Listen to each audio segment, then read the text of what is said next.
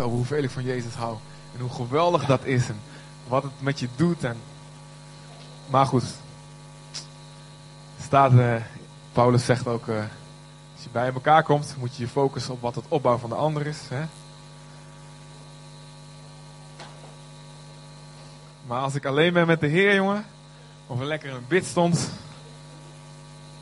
dan kan je je lekker laten gaan en gewoon helemaal richten op de Heer. Dat is geweldig. Oké. Ik wil je vragen je Bijbel te openen bij Lucas 17.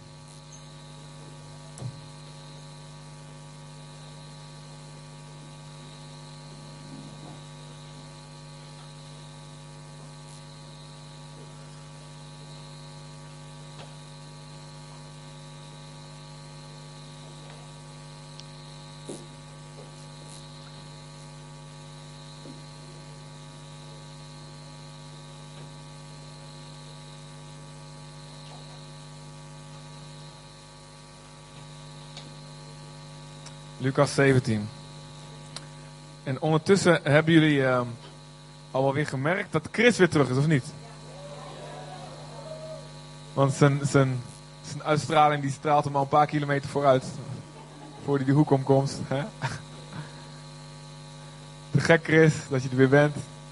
We zorgen er allemaal met z'n allen weer voor dat je je lekker weer uh, lekker thuis voelt. Even lekker vertroeteld worden hier. Hè? Zo is dat. Zijn we blij met Chris, jongens? Hoe, hoe blij zijn we met Chris?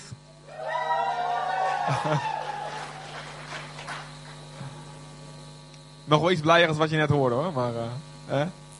Lucas 17, vers 11. Daar staat boven de tien melaatsen. Ik preek vanuit het, het, een, een boekje. Ik heb elke week wat nieuws bij me. Vorige week de Willy Broad vertaling.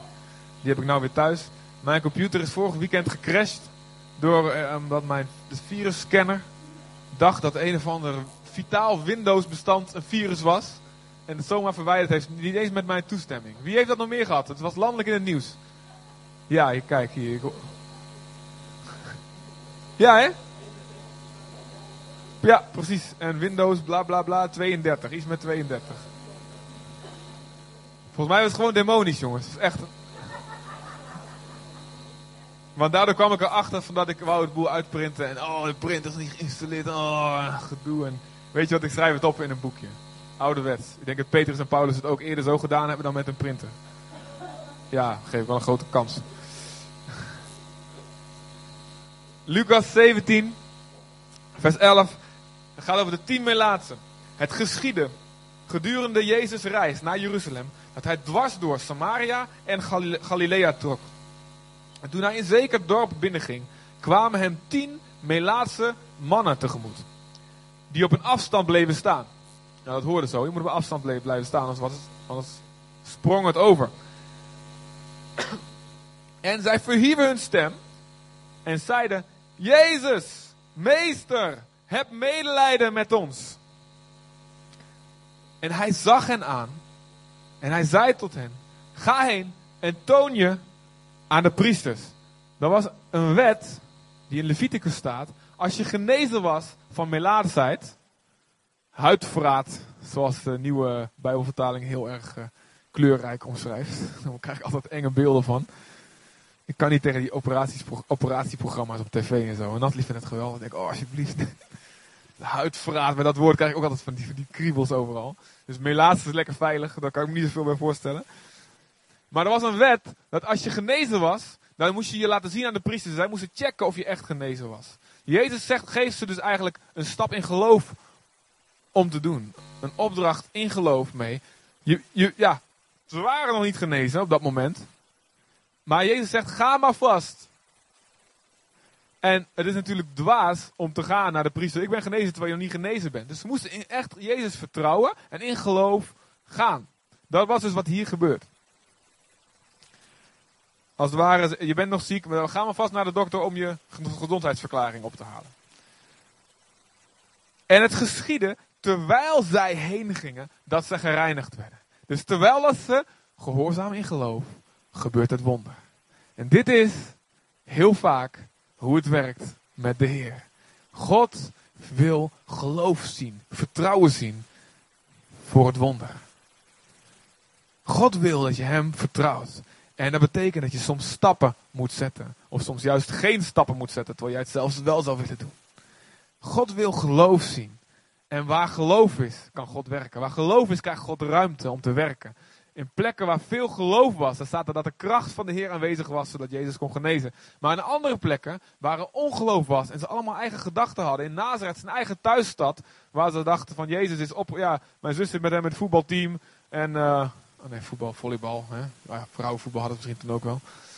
En uh, ja, ik ben getrouwd, ik ben getrouwd met zijn, uh, met zijn tante en alles. Daar was een ongeloof. Hoe kan Jezus nou de Messias zijn? En er staat, hij kon geen enkele hij kon nauwelijks iets doen in die stad. Hij kon het niet. Dus jouw en mijn geloof kunnen een sfeer creëren, een sfeer scheppen waarin God kan werken. Maar jouw en mijn ongeloof kan ook een, zo'n sfeer scheppen dat Jezus gewoon dezelfde is, dezelfde krachtige God als overal, maar dat hij niks meer doet. Dat hij niks meer kan doen.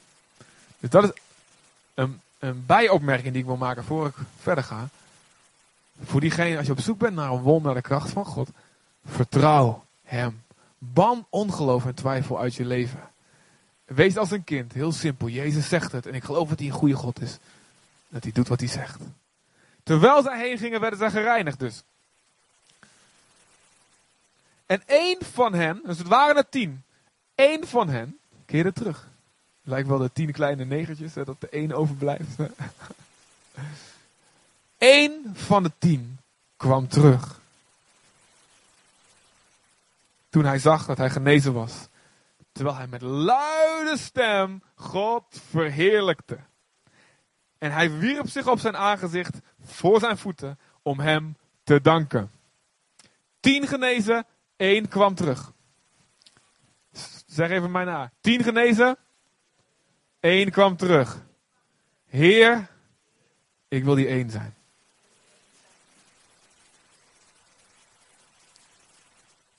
Tien genezen, één kwam terug. En dat typisch gedrag van iemand die snapt wat God voor hem gedaan heeft.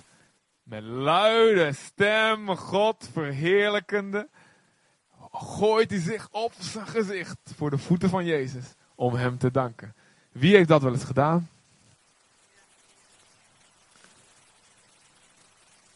Wie denkt eigenlijk moet ik dat ook een keer gaan doen? Ah, heel eerlijk. Goed zo, jongens. Typisch gedrag van iemand die snapt wat er gebeurd is. Jongens, ik kan er niet inhouden. En of je nou introvert bent of extravert. Er komt een moment dat je met luide stem God moet gaan danken. Zeg, God, als, oh, dank u wel. En laat het maar dan voor jou luid zijn. Hè? Misschien als je heel zachtjes bent van jezelf, dan is het relatief wat luider. Maar dit is wat er gebeurt als je snapt wat Jezus voor je gedaan heeft. Je kom terug bij Jezus. En je gaat hem met luisteren. Je gaat God danken. Je gooit je op je gezicht en zegt: Dankjewel, dankjewel, dankjewel, Heer. En dit is de reden dat je sommige mensen tijdens de aanbidding ziet als een dwaas heen en weer ziet waggelen in de glorie. Ze zijn dankbaar. We zijn dankbaar. En natuurlijk vergeet kunnen we dat af en toe eens een keertje vergeten. Even niet zo helder meer voor de geest hebben. Maar als je werkelijk weer denkt aan Jezus en wat hij voor je gedaan heeft. Een uitbarsting van blijdschap.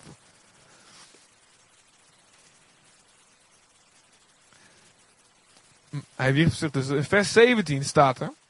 En dit was een Samaritaan. Nou, Samaritanen, was een, Samaritanen waren een mengvolk van volken die uh, uit andere landen gekomen waren, gedeporteerd waren, zich vermengd hadden met Joden en ze hadden een soort godsdienst die half afgodendienst was, half de Joodse godsdienst.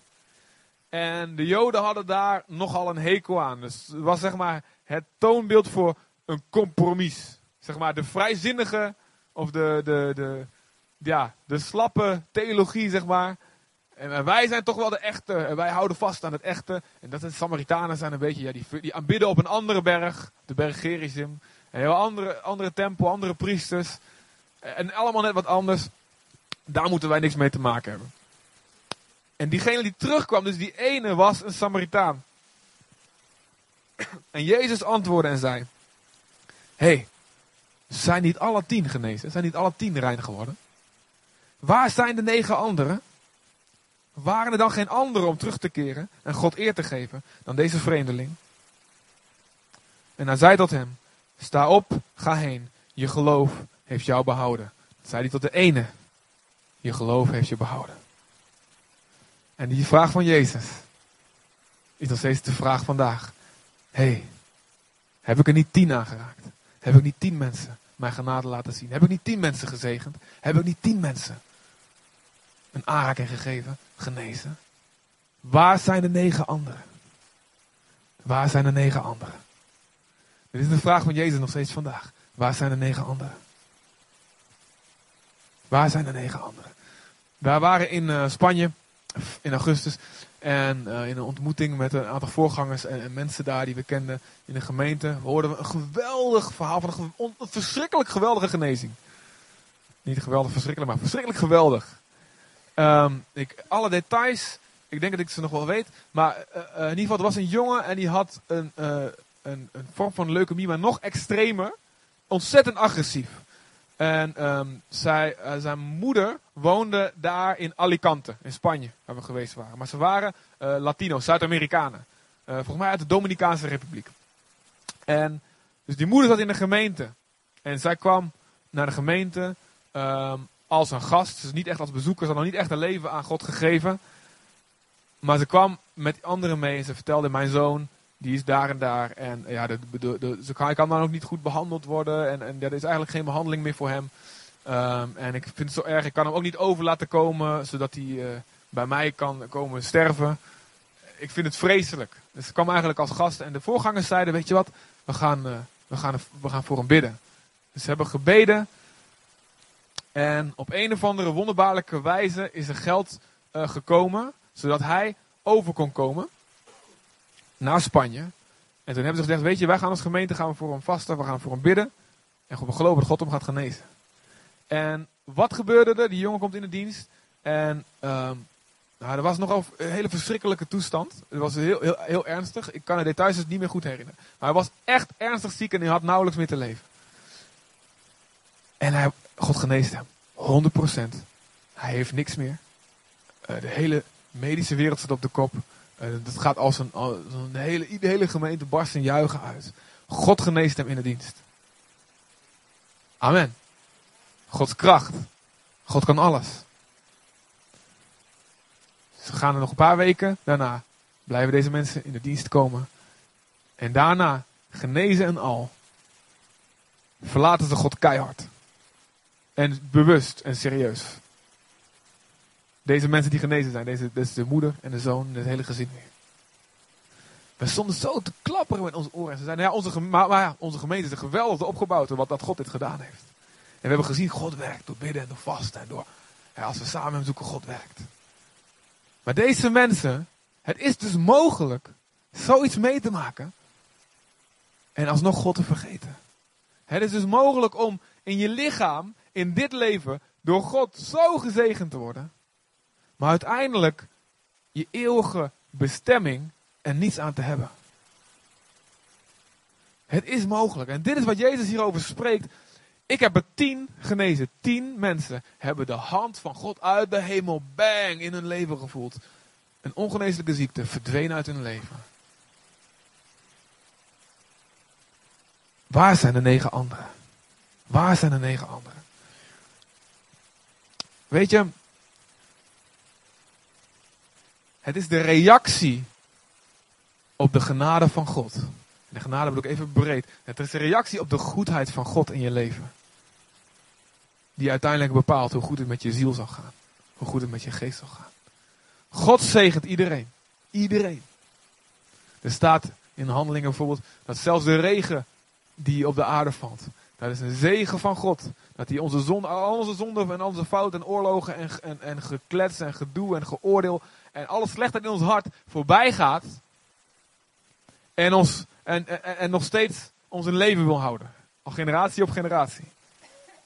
Dat is al genade van God. Gewoon God geeft zoveel goedheid aan mensen. En dan heb ik, dan heb ik het over de algemene genade van God. Hè? Dat hij ons nog allemaal laat eten en leven en genoeg laat hebben. Dat hij de economie niet laat inklappen. Dat hij de planeten niet uit elkaar laat klappen. Omdat hij er genoeg van heeft. Van al het geweld en, en verkrachting en onreinheid en rotzooi. Dat is de algemene genade van God. En daar moeten we heel dankbaar voor zijn. Vind ik. En daarnaast heb je ook nog God die specifiek mensen zegent. Natuurlijk of bovennatuurlijk. Maar de reactie op die zegen van God is bepalend. Of Jezus ook tegen je zegt: sta op, je geloof heeft je behouden. Die reactie op de genade. En dit wil Paulus ons zeggen in 1 Korinthe 10, moet je maar eens thuis eens lezen. Dan vertelt hij over Israël.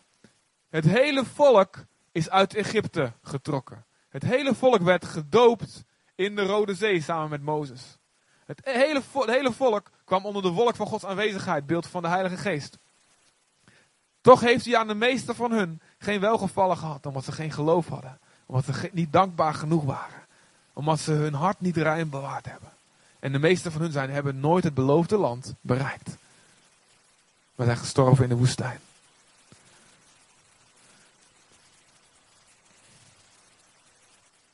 Jezus kwam op huisbezoek bij heel veel mensen. Nou, heel veel mensen, bij een aantal mensen. Jezus kwam bij een fariseer en die vond het niks bijzonders dat Jezus kwam. Hij waste zijn voeten niet en hij gaf hem geen kus. Maar Jezus kwam op huisbezoek bij Zacchaeus, een tollenaar, die, waar de hele wereld een hekel aan had, omdat hij een, een, NSB'er was in die tijd. Dus Jezus deed hetzelfde bij de ene en er gebeurde niks. En hij deed hetzelfde, en deed hetzelfde bij Zacchaeus. Hij kwam gewoon op bezoek, ging met hem eten. En Zacchaeus bekeerde zich gigantisch. Zijn hart brak en hij zegt, man, alles wat ik gestolen heb, dat geef ik viervoudig, geef ik dat terug. En de helft van mijn bezit ook nog eens geef ik aan de armen. Dus Jezus kan bij de een iets doen en er gebeurt niks. En Jezus kan bij de ander iets doen. En alles gaat op de kop. Ja, de reactie op de goedheid van God bepaalt hoe goed het met je ziel zal gaan. Hoe goed het je eeuwig zal gaan.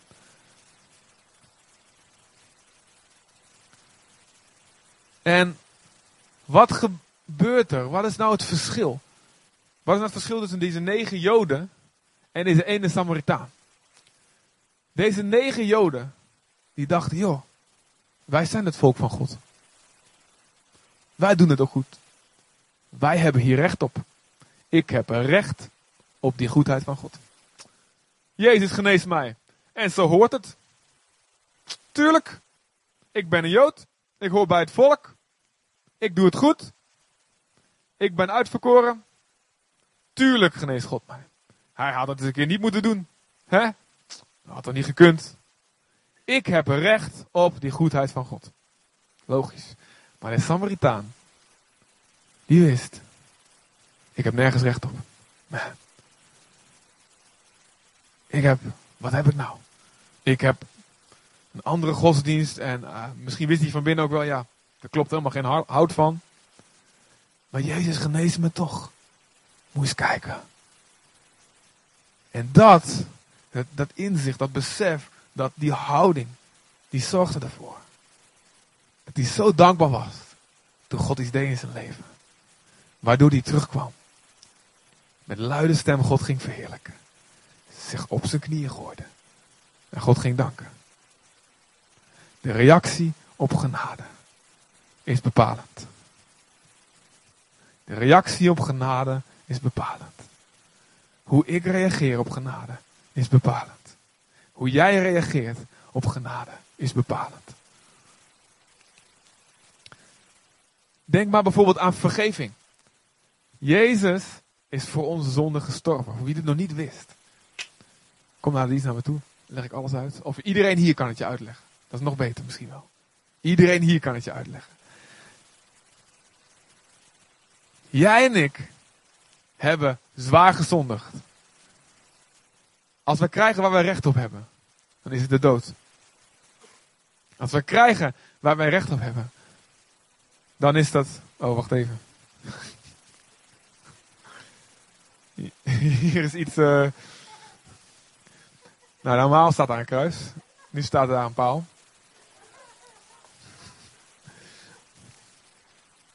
Dan kan je opgespietst worden. Ja, dat is ook een mooie doodstraf. Waar haal je zulke rare ideeën vandaan? Oh ja, dat boek Esther. Ehm, als wij krijgen waar we op verdienen, dan krijgen wij zo'n paal. Dan krijgen wij de dood. En dit is heel ernstig. Jezus vergeeft jou en mijn zonde als we tot hem komen. Als we zeggen, Heere, ik weet dat ik, ik weet dat ik fout zit. Ik weet dat in mij, in mijn hart, er niet genoeg goed zit. Er zit geen goed in mij. Ik heb nodig dat u mij vergeeft. En als u mij niet vergeeft, ben ik nergens. En God geeft je dan zijn vergeving. Maar denk dan eens aan het verhaal van die twee, van, van, die, nee, van die ene man die vergeven is. Maar die daarna iemand anders tegenkomt, die hem ook nog wat schuldig is. Een fractie van wat hij zelf schuldig was. En hij vergeeft hem dan tenslotte niet. Het is de reactie op de vergeving die bepalend is voor wat uiteindelijk gebeurt. Hoe goed het je uiteindelijk zal gaan. Als God jou zoveel genade geeft en zoveel vergeeft, maar jij vergeeft anderen niet, dan zegt God: Jij hebt mijn genade, mijn goedheid voor jou nog niet genoeg laten, door, laten doordringen. Je hebt niet gekozen om daar goed op te reageren. Door anderen ook weer diezelfde vergeving te geven die jij gekregen hebt. En daardoor zal ik jou ook niet kunnen vergeven. Snap je? Is de reactie op genade die bepalend is. Hoe komt het dat wij denken. Ik moet even wat water drinken, jongens, want anders gaat het niet goed.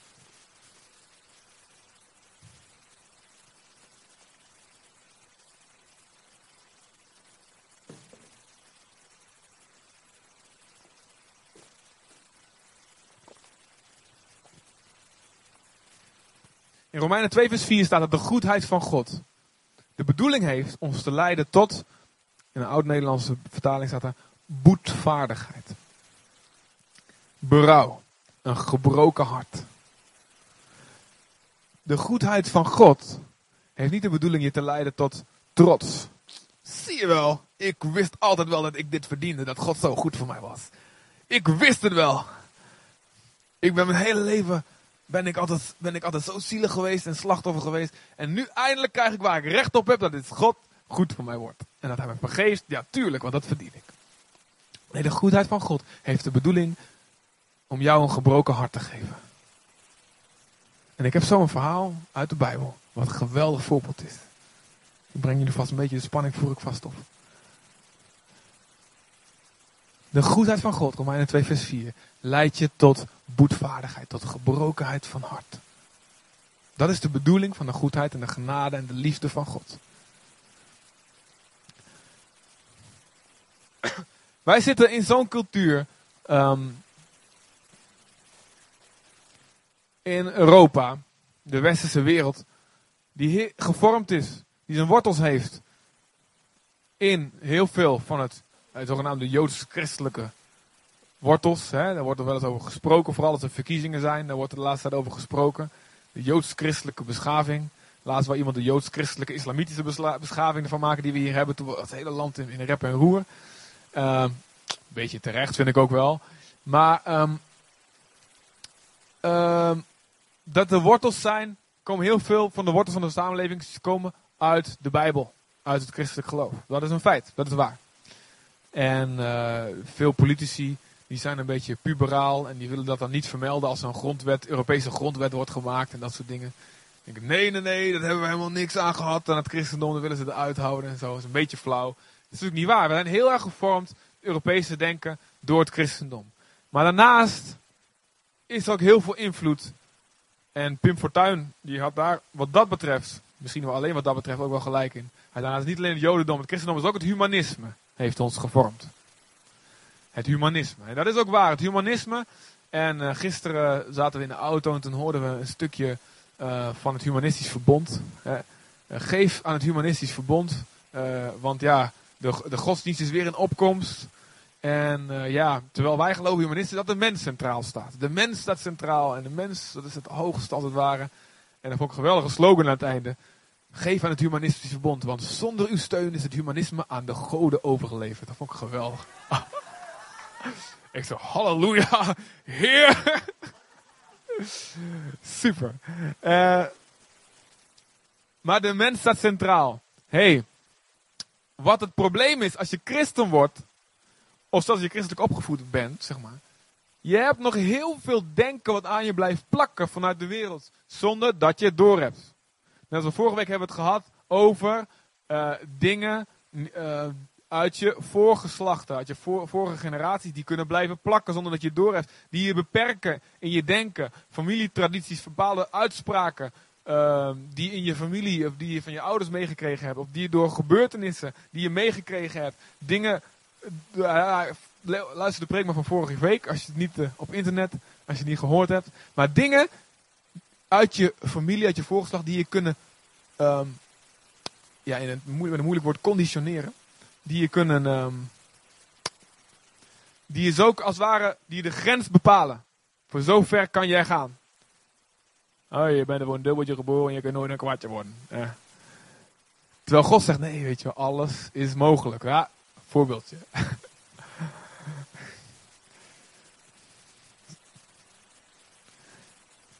Ik vraag me waarom er zo hard gelachen wordt. Vast herkenning of zo. maar um, daarnaast zitten we ook met dingen van onze cultuur. Die blijven hangen in ons hoofd. Die blijven hangen in onze gedachten. En het humanisme zonder dat je het doorhebt, zit heel veel in onze gedachten. Ook als christenen. Het, het, is zo, het kan zo blijven plakken. Daarom zegt de Bijbel, je moet je denken vernieuwen. En daardoor een ander mens worden. Zodat je de wil van God kan herkennen. Heel simpel. Je wordt een nieuw mens. Niet door jezelf een nieuwe naam te geven of te verhuizen of een andere, of een andere baan te nemen. Of een midlife crisis en keer als man van de 40 een motor aanschaffen of wat dan ook. Kan natuurlijk helpen. ik weet nergens van hoor. Dus als iemand hier is aangesproken voelt, ik weet nergens van. Maar je wordt een nieuw mens door nieuwe gedachten. Door het woord van God. Door het woord van God. Door de Bijbel te lezen. En dat echt zo toe te staan dat het zo confronteert met alles wat je denkt hier van binnen. En dat je dit laat winnen van dit. En daardoor word je een nieuw mens. Nieuwe gedachten. En het humanisme zegt, de mens staat centraal. Jij staat centraal. Jij staat centraal. En heb je ook nog vanuit het humanisme komt voort het socialisme.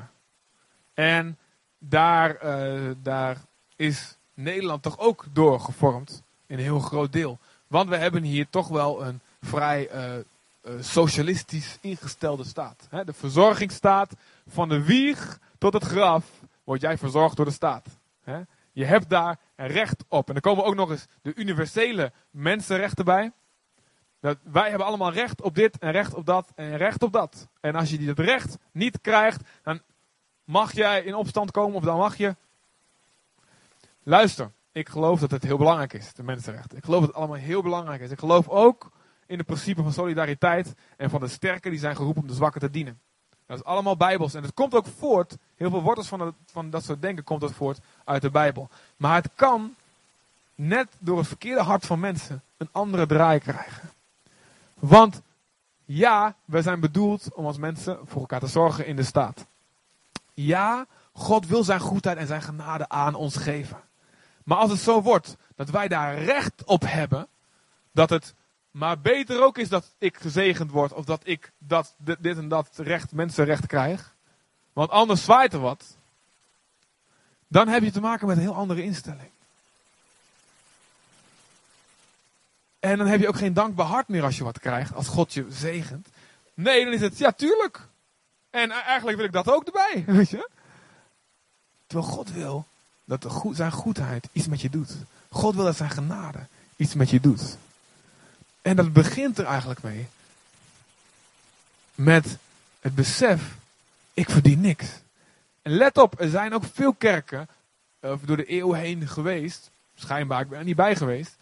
Die hebben gepredikt en we zijn wormen en we zijn het stof van de aarde en we zijn het niet waard dus de, de, de grond te likken en, en, en Waar alleen maar minderwaardigheid gepreekt werd. En de wet en het is slecht. En je weet maar nooit of God van je houdt of of God je uitkiest. En daar heb ik het ook niet over. Maar de gezonde balans is. Ja, wij zijn heel erg. Wij zijn heel erg slecht. Maar daar moet je geen punt zetten. Gebeurt in sommige boodschappen. Ja, we zijn slecht en slecht en slecht. Maar het is wel een deel van de waarheid. Ja, we zijn verrot van binnen. Romeinen, van de week nog weer gelezen. Niemand is goed, zelfs niet één. Er is er niet eentje die God zoekt. En wij waren zondaars, ja. Maar terwijl dat wij zondaars waren, is Jezus voor ons gestorven. Dat is waar het verder gaat.